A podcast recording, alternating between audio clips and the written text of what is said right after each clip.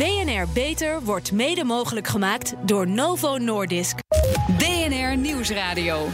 BNR Beter. Harmke Pijpers. We kennen allemaal wel het beeld van een sporter die hard in aanraking komt met een tegenspeler, de bal of de grond, met mogelijk een hersenschudding tot gevolg. Soms moeten ze één wedstrijd overslaan, maar soms zijn ze er slechter aan toe. Dit jaar is er een polykliniek geopend om sporters met een hersenschudding te behandelen en te begeleiden. Welkom bij BNR Beter, het programma voor mensen die werken aan gezondheid. Mijn gasten Mars Keunigs, neurowetenschapper werkzaam binnen de Neuroscience Group van het Emma, Emma Kinderziekenhuis van het Amsterdam UMC. Shari Langdon, promovenda bij het Emma Kinderziekenhuis en de KNVB. En Edwin Goedhart, bondsarts bij de KNVB, ook net binnen. Ja, begin meteen bij u. De KNVB heeft het initiatief genomen voor deze polykliniek. Waarom, meneer Goedhart? Of ben u nog te zeer buiten adem? Nee hoor, nee, nee, nee. Oh. Nee, nee zeker niet als het gaat om zo'n uh, belanghebbend uh, onderwerp. Nee, dat gaat wel goed. Vertel. Nee, um, nou, we liepen er al een tijdje mee rond. Het is natuurlijk toch zo dat um, hersenschuddingen komen voor in het voetbal. Niet zo extreem veel bijvoorbeeld als in American voetbal, maar het komt voor. Mm -hmm. En omdat voetbal een heel veel beoefende sport is, komt het ook regelmatig voor in de algemene zin. En daarvoor hebben we gezegd van nou ja, wij vinden dat we als KNVB ook wel een verantwoordelijkheid hebben. Het gaat met name het Sportmedisch Centrum ook. Hè. We hebben een verantwoordelijkheid voor gezondheid en een veilig sportklimaat. Um, en wij denken dat we nog wel een rol kunnen spelen, met name waar het gaat om het weer verantwoord terugbrengen op sportveld. Ja, zegt de kliniek is in maart geopend. Loopt het als storm? Komen er veel uh, sporters binnen met hersenschuddingen? Nou ja, wel meer dan dat wij uh, verwacht hadden, moet ik eerlijk zeggen. Oh. Dat, uh, we, we, hadden, ik heb, je weet ook nooit waar je aan begint. En we, we, zijn ook niet zeg maar een vervanging van bestaande zorg. We zijn ja. iets extra's. En we hadden gedacht, nou ja, als we een middagje in de maand bezig zijn met deze groep of met, de, met, dit, met deze klachten, dan is het misschien wel al redelijk veel. Maar inmiddels zitten we wel aan anderhalve dag dat we er kwijt mee zijn. Dus het in die zin loopt het wel storm, ja. ja. Meer dan misschien wel uh, wat wij verwacht hadden. Uh, Keunings, u was als neurowetenschapper betrokken hè, bij de behandeling van hersenschuddingen. Het zogenoemde concussion management voor amateur en professioneel voetbal. Is, is zo ook het idee voor deze politiek ontstaan, meneer Keunings? In zekere zin wel. Dus uh, tijdens het concussion management bij verschillende sportorganisaties, zoals bijvoorbeeld bij Ajax en bij de KNVB, zijn we wel in, in veel mate al um, in contact gekomen met uh, sporters, uh, met primair voetballers, mm -hmm. uh, met klachten van een hersenschudding. in veel gevallen was het in, voor die sporters niet zo dat zij zeer langdurig klachten hadden. Um, eigenlijk is het meer zo gebeurd dat doordat wij die specialisatie hadden, in samenwerking met de KNVB, dat wij steeds meer via via verwijzingen kregen van sporters die langdurig met die klachten bleven. En ook in toenemende mate erachter kwamen dat die zorg dus soms te eenvoudig lijkt voor het ziekenhuis en ja, ja. soms te complex voor een huisarts. Ja. Uh, en op die manier zijn we eigenlijk op het idee gekomen dat we dit zouden moeten doen. Ja, en, en uh, alleen maar voor profsporters? Of kan een amateur die één keer per week een wedstrijdje speelt er ook terecht? Alle sporters zijn welkom. Ah ja. En meneer Goedhart, die kliniek is van de KNVB. Is die dan ook alleen maar voor voetballers? Of zijn in principe alle sporters welkom? Nee, in principe zijn alle sporters welkom. Uh, um, en ik heb altijd geleerd dat het woord in principe niets toevoegt. Dus alle sporters zijn welkom. okay, heel goed. Uh, sinds Van Cote en de Bier. Maar het is uh, wel belangrijk om dat te benadrukken. Kijk, we zijn een voetbalbond en onze primaire zorg is natuurlijk ook voor de voetballers. Maar het zou natuurlijk heel raar zijn als er mensen zitten met zo'n zorgvraag en we ja. hebben de expertise, dat we er niet uitzetten ook voor de andere ja. Om meer kennis te vergaren hè, over de verschillende soorten hersenschuddingen die er zijn, wordt in de kliniek ook uh, wetenschappelijk onderzoek gedaan. Dat is waar u zich mee bezighoudt, mevrouw Lengden. Ja. Vertel, hoe gaat u te werk? Wat doet u als een sporter bij de kliniek langskomt? Nou, eigenlijk nog voordat de sporter bij ons terechtkomt, uh, sturen wij vragenlijsten naar hen op. Die kunnen -hmm. zij online invullen. Uh, en zo uh, krijgen we informatie over de toedracht en de aard van het letsel. maar ook een hele grote inventarisatie van de, de klachten die zij op dat moment hebben. En als de sporter dan bij ons terechtkomt, uh, dan screenen wij op eigenlijk alle mogelijke verstoringen die na een hersenschudding kunnen, er kunnen zijn. Ja. Um, en ze zijn dan ook inderdaad 2,5 uur bij ons, bij ons in de polykliniek, dus best wel lange tijd. Ja. En we screenen op het cognitief functioneren. We screenen op oogbewegingen, de snelle oogbewegingen, de coördinatie daarvan. Uh, we screenen op de motoriek, dus balans en evenwicht. Uh, en de manueel therapeut kijkt ook naar de locatie van uh, lichamelijke verstoringen. Ja. En de sportarts die kijkt dan vervolgens weer naar de bloeddrukregulatie of andere onderzoeken die gedaan worden. Mm -hmm. En zo proberen we echt op maat uh, behandelingen en gerichte individuele behandeling en begeleiding te geven. Ja. Door alle verstoringen in kaart te brengen. Mhm. Zeg, en uh, na die 2,5 uur is het dan uh, een advies en tot ziens? Of nee, therapie? Niet. Of hoe gaan we dan te werk? Ja, we proberen dus wel als de sporter naar huis gaat advies te geven dezelfde dag nog. Vervolgens ja. krijgt de sporter ook alle resultaten gerapporteerd um, opgestuurd. Ja.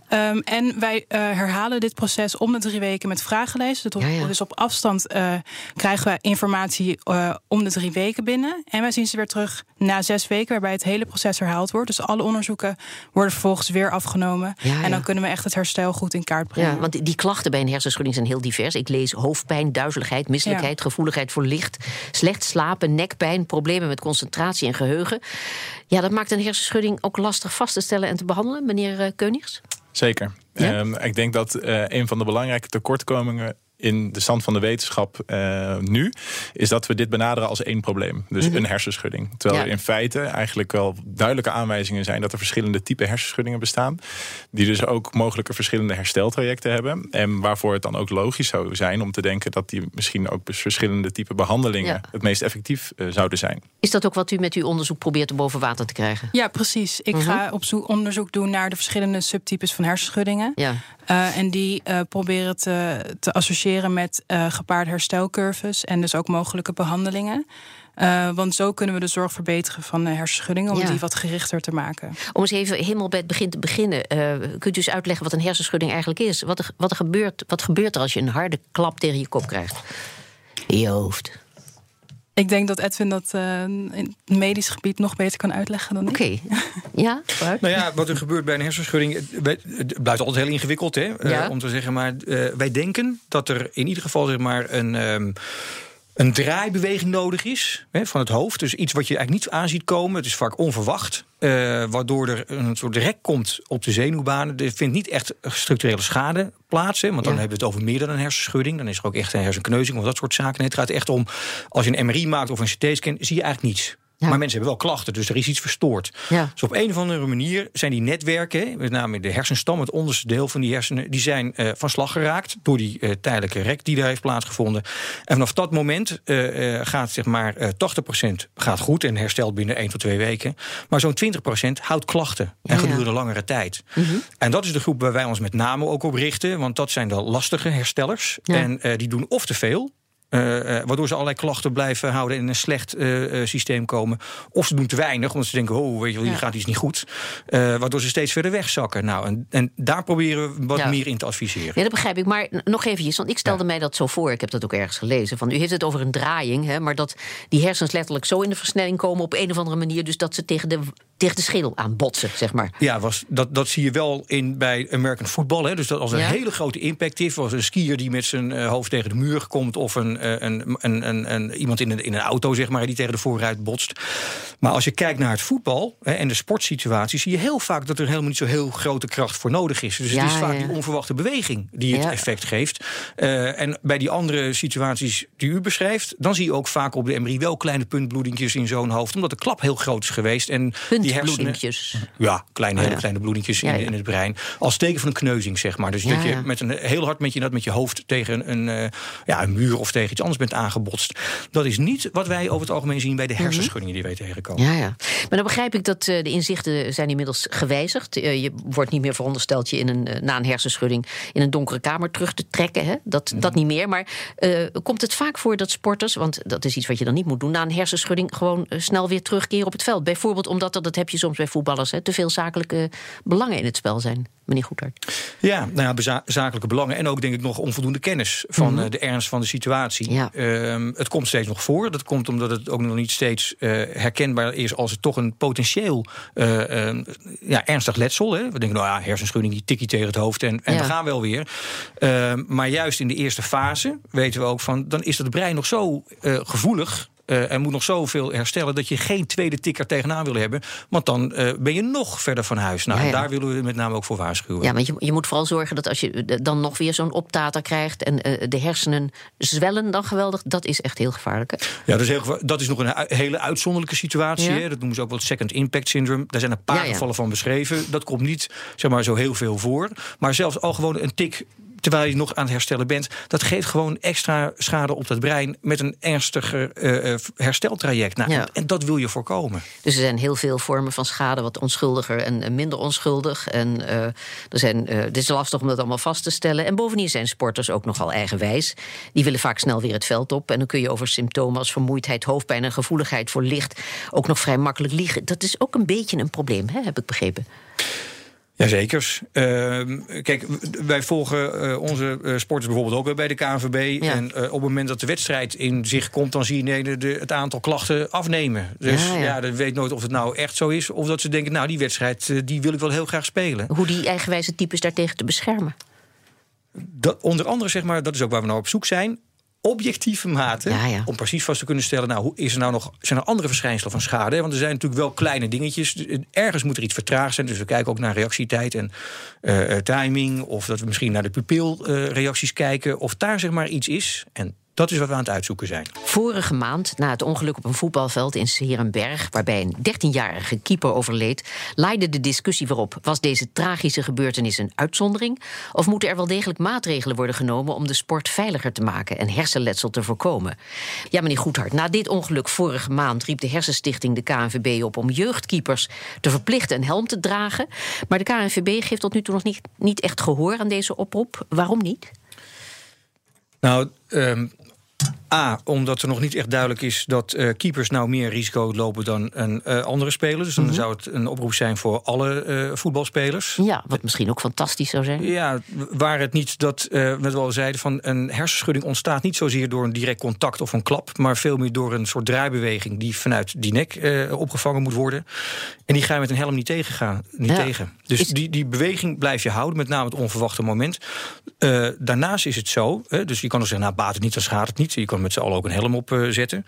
Maar daarnaast is het ook nog zo, dat wel uit onderzoek bekend is, dat naarmate je beter beschermd bent, Ja. je ook agressiever het duel ingaat. Ja, is dat nou zo? Daar komen we zo dadelijk nog over te spreken. Maar eerst, eh, ja, wat u als wetenschapper eh, onderschrijft, onderschrijft u dat, meneer Keuners en, en mevrouw Lang Lengden?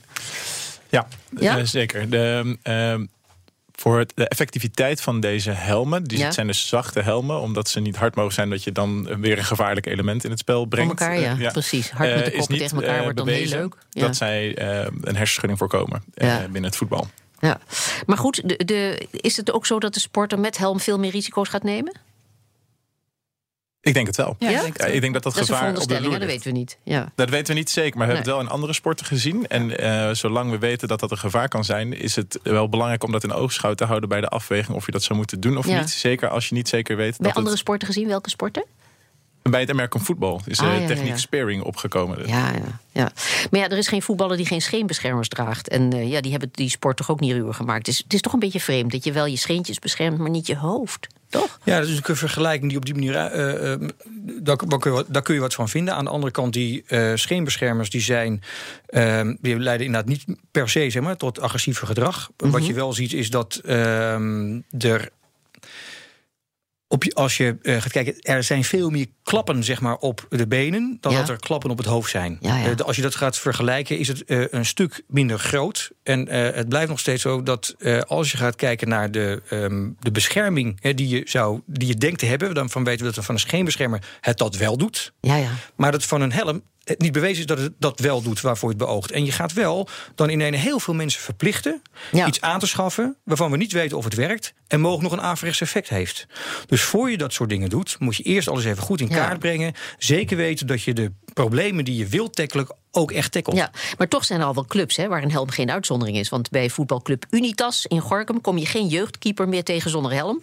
Keepers komen er zelfs om vragen als de helm niet in de teamtas zit. Het is ook een beetje een kwestie van gewenning, toch? Dat zou je denken. Eh, overigens, eh, wij verbieden het ook niet. Eh, als mensen het zelf graag willen doen, Ja. zijn ze van harte welkom. Alleen om het verplicht te stellen, is het een ander verhaal. En als het ingevoerd wordt, dan niet alleen voor de keepers, maar voor iedereen? Nou, ja, dan moet je eerst gaan kijken waar zit nou precies het probleem. Ja, precies. Ja. Kijk, en ik vind ook, Ja. hè, dat is altijd een hele lastige discussie. Hè, want Ja. eh, ik denk altijd dat het gevaarlijker is om met je sokken de trap af te gaan dan dat je een potje voetbal speelt. ja, en het gek is ook nog. Is ook heel gevaarlijk, is waar. Precies. En op het moment dat ze dan naar huis fietsen en het verkeer is ook een niet ongevaarlijke bron, dan doe je het helmpje af. Dus waarschijnlijk is het eh, het moment waarop je hem echt nodig hebt, ga je hem dan afdoen. Vanuit die gedachtegang. Dus voordat je, en in de emotie van het moment kan ik me voorstellen dat die gedachtegangen opkomen.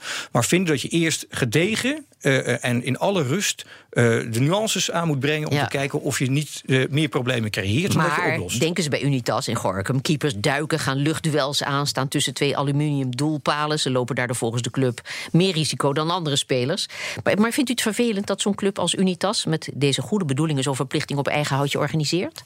Nee, dat, nee, dat mogen gaat ze, te ver, hè? dat Laat mogen ze ze prima doen. Ja. Alleen denk ik dat de aannames die zij maken nergens onderbouwd zijn. Oké, nou, dat weten ze dan ook weer. Wij ook. Het nut van een helm is dan misschien nog niet bewezen, maar is daar wel al genoeg onderzoek naar gedaan, meneer Nee, ik denk niet dat er per se voldoende onderzoek is gedaan. Dus uh, dan draai je hem eigenlijk om. Hè. Dus mm. de vraag is eerst, moeten we het doen? En dan is, denk ik dat het antwoord nee is, want de effectiviteit is niet bewezen. Ja. Kan je uitsluiten dat het effectief is? Nee, ook niet. Dus uh, eigenlijk denk ik dat de, uh, de afweging genuanceerd is. Juist omdat we niet precies weten of het nuttig zal zijn. Ja, maar een harde helm kan niet. Zachte helmen die we nu soms zien, die bieden misschien niet voldoende bescherming. Is het ook nog een optie om iets te ontwerpen wat er tussenin zit... en wat ook meer steun geeft aan de nek? Ik denk dat als we dat zouden kunnen ontwerpen, ja. uh, dat dat mogelijk ja, wel, welkom zou zijn binnen het voetbal. Maar ja, het moet mee kunnen draaien. Hè. Ik kan me ook voorstellen dat het heel lastig ik is. zie het nog niet direct voor me. Nee, nee. en het, het, gaat ook om, het zijn uitzonderlijke situaties, hè, waar we al zeiden, want het komt wel voor, maar niet zo extreem veel. Mm -hmm. um, het, het, door de macht van het getal, hè, zeg ik altijd maar, wordt het een uh, gezondheidsprobleem in, in, in de marge weliswaar nog steeds. Hè. Um, maar daarvan, je moet niet onderschatten van dat het, het uh, je probeert echt een uitzonderlijk uh, um, um, gebeurtenis. Ja. Uh, te voorkomen. En het heeft daar met een heel veel aandacht. En je moet het wel in perspectief blijven zien. Ik vind het heel verdrietig altijd weer. Want we zien ook de mensen bij ons op de poli. Heel verdrietig als het gebeurt. En zeker als je daar langdurig klachten van houdt. Maar als je weet dat er 32, uh, 500 wedstrijden, zeg maar, 32.500 wedstrijden per weekend worden georganiseerd. Met heel veel mensen. Ja. Uh, 1,2 miljoen mensen die het beoefenen, die sport. En dan heb ik nog niet eens over alle kinderen die het op, op speelplaatsen doen, op het strand en dat soort Ja. dingen. Ja, er zit natuurlijk ook wel ergens een grens aan. Ja, nou laten we het hebben over uh, iets anders. Uh, oh, die hersenschuddingen die ontstaan door een botsing met een andere speler of door een ongelukkig geval. Maar dan heb je ook nog een andere discussie. Eentje waar we volgens u, meneer Keunigs, eigenlijk wel een hele uitzending mee zouden kunnen vullen. Namelijk het wel of niet koppen. En daar doet u ook onderzoek naar, mevrouw Lengden, toch? Ja, dat klopt. Dat gaan we nog doen. -hmm. uh, dat gaat gebeuren door middel van verschillende onderzoeken. Ja. We zijn nu bezig om eerst in kaart te brengen hoe vaak wordt er nou gekopt. En dat is leeftijdsafhankelijk, per speler afhankelijk. We willen ook in kaart brengen met wat voor bewegingen. Dus die rotationele bewegingen, lineaire bewegingen. Wat voor bal, wat voor gewicht. Um, en vervolgens willen we dan kijken wat is dan de blootstelling wat dan terecht komt op het hoofd. Dus met welke snelheid komt de bal op het hoofd terecht. Ja. En dan kunnen we echt bekijken wat de impact nou van het koppen is. Dus echt een kop tegen een bal aan. Ja, ja. en ik heb ook begrepen, uh, toen wij net even spraken, dat het ja. ook van belang is om te kijken of er een juiste bal wordt, gebruikt wordt, vooral voor jonge spelers. Hè? Ja, precies. Dus echt leeftijdsafhankelijk willen we gaan kijken Ja. welke bal, wat voor gewicht, welk type merk. Dat heeft natuurlijk ook voor uh, invloed op de impact uiteindelijk. Ja. Dus dat willen we allemaal echt in kaart gaan brengen. En ook voor professionele spelers, amateurspelers. En pas dan kunnen we echt daar een uitspraak over doen. Ja. Zou het onderzoek er uiteindelijk toe kunnen leiden dat het in Nederland, net zoals in Amerika, voor spelers onder een bepaalde leeftijd verboden wordt op de koppen? Of dat net als in België bij spelers onder de 10 jaar de inworp wordt vervangen door een intrap, waardoor de bal uh, minder vaak op hoofdhoogte komt? Dat ligt heel erg aan de, de, uh, de, uitslag van het onderzoek, denk ik. Ja. Uh, maar ik denk dat het ook belangrijk is dat als je het verbiedt bij uh, de jeugdspelers, dan mm -hmm. missen zij ook het leren. Dus de techniek ontbreekt dan. En ik denk ja. dat de techniek heel erg belangrijk is om het effect van koppen, wat dan schadelijk zou zijn, tegen te gaan. Maar het ligt heel erg aan wat we uit het onderzoek uh, gaan zien, eigenlijk. Dus. Ja. Maar er is ondertussen uh, wel steeds meer erkenning voor de gevolgen van een hersenschudding. Hè? Want, uh, dat is ook iets wat u, meneer Keunigs, in een eerder interview al aangaf. Hoe komt het volgens u dat die erkenning is toegenomen? Hm, dat is een goede vraag. Weet ik eigenlijk niet nee. precies waarom dat zo is. Dat Mhm. dat is, is wel heel duidelijk. Ja, want het is toch ook zo dat sommige voetballers uh, een leven lang last kunnen blijven houden. Hè? We hebben dat nare voorbeeld van Rianne Schorel, speelster van ADO Den Haag. Die kreeg een schot vol op haar hoofd, bleef problemen houden, moest na een half jaar stoppen met voetbal. Ja, dat komt voor, helaas. Ja. Uh, niet vaak, gelukkig. Mhm. Uh, in de meeste gevallen herstelt een hersenschudding. ook al is die hersteltijd soms veel langer dan je zou willen. Um, het is best wel ingewikkeld hoe de symptomen na een hersenschudding in stand gehouden kunnen worden. Dat hangt af van hoe je functioneert, maar ook wat je van jezelf vraagt. En de uh, balans daartussen. En vervolgens ook nog hoe je jezelf daarover voelt. Je kan er ook natuurlijk heel verdrietig worden van het feit dat het niet goed gaat. En dat interacteert vervolgens ook weer met hoe je functioneert. En dat heeft weer een invloed op die relatie tussen wat je kan en wat je doet. Dus het is soms heel complex en het kan in een, in een heel ja, stabiele situatie terechtkomen die heel moeilijk te doorbreken is. Ja, meneer Goedhart, u, u uh ja, in de voetbalwereld is wel meer besef gekomen voor uh, de impact die een hersenschudding kan hebben. We steken niet meer in de kop in het zand, maar u wilt ook niet dat er te veel angst ontstaat, hè? proef ik aan uw uh, uitlatingen. Nee, dat klopt helemaal. Ik, ik vind dat je. Kijk, uh, we, en dan kijk ik wat breder maatschappelijk. Hè. We leven in een wereld die, waar inactiviteit steeds een groter um, probleem gaat worden. het is heel moeilijk om kinderen weer een beetje buiten te krijgen. Um, als je voetbal gaat zien als een hele gevaarlijke sport. en en dat zie je al in Amerika, waar ouders dan denken: nou, dan hou ik mijn kind maar binnen. Of, Dat is doodzonde, want voetbal is een geweldige bewegingsvorm waarin je leert actief te zijn, maar ook leert samenspelen. Het is een van de weinige sporten die door alle sociale lagen van de maatschappij heen gaat. je leert samen winnen, verliezen ehm, inschatten van timing, beweging. dus er zit zoveel in. Ja, als je dat niet zou doen, om van ten onrechte gecreëerde angst, dat zou ik echt doodzonde vinden. Ja. Hartelijk dank, Bars Keuners, Sherry Langden, Langden en Edwin Goedhart.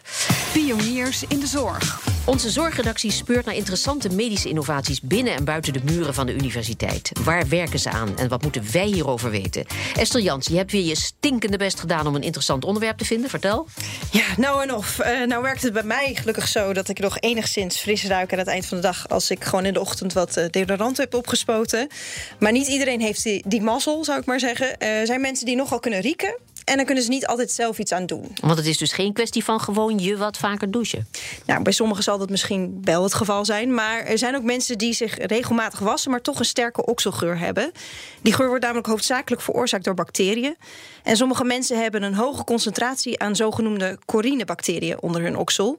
En daar helpen de huidige deodoranten niet tegen. Dat vertelt bio-ingenieur Chris Kallewaerts van de Universiteit van Gent. Een normale deodorant die, die gaan gewoon wat geurtjes toevoegen om, om het probleem te maskeren.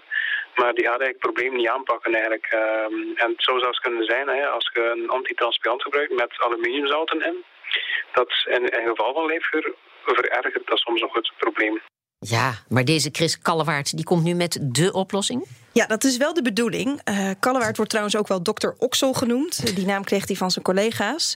Uh, deze dokter Oksel heeft een manier gevonden om goede bacteriën in een spray te stoppen. Deze spray noemt hij een probiotische deodorant. En die kan de bacteriële samenstelling onder oksels veranderen om de geur te bestrijden. Ah ja, en, en daarvoor was hij eh, nog wel op zoek naar enkele tientallen mensen met sterk geurende oksels. Hè? Ja, hij deed vorige week een oproep. Mensen tussen de 18 en 65 jaar met uh, sterk geurende oksels mochten zich bij hem melden.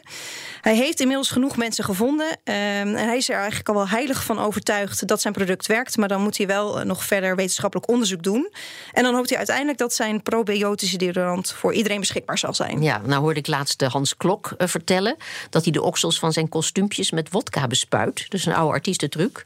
Maar goed, dat is aanmerkelijk kostbaarder dan deze probiotische deo. Dus namens Hans Klok en velen met hem. Wanneer is die deodorant er? Ja, dat is nog niet helemaal zeker. Het onderzoek loopt nu en de resultaten van het onderzoek hoopt hij uh, op dokter Oksel in het voorjaar te hebben. Dus wellicht is die op tijd klaar voor de volgende hete zomer. Het zou mooi zijn. Dankjewel, Esther Jansen. En tot zover deze uitzending van BNR Beter. Op bnr.nl slash beter is deze uitzending terug te luisteren of on demand via de BNR-app, Spotify of iTunes. En we zijn ook op Twitter te vinden onder BNR Lifestyle. Dus heeft u tips voor ons? Laat het ons vooral weten. Ik ben Harmke Pijpers. Graag tot een volgend spreekuur.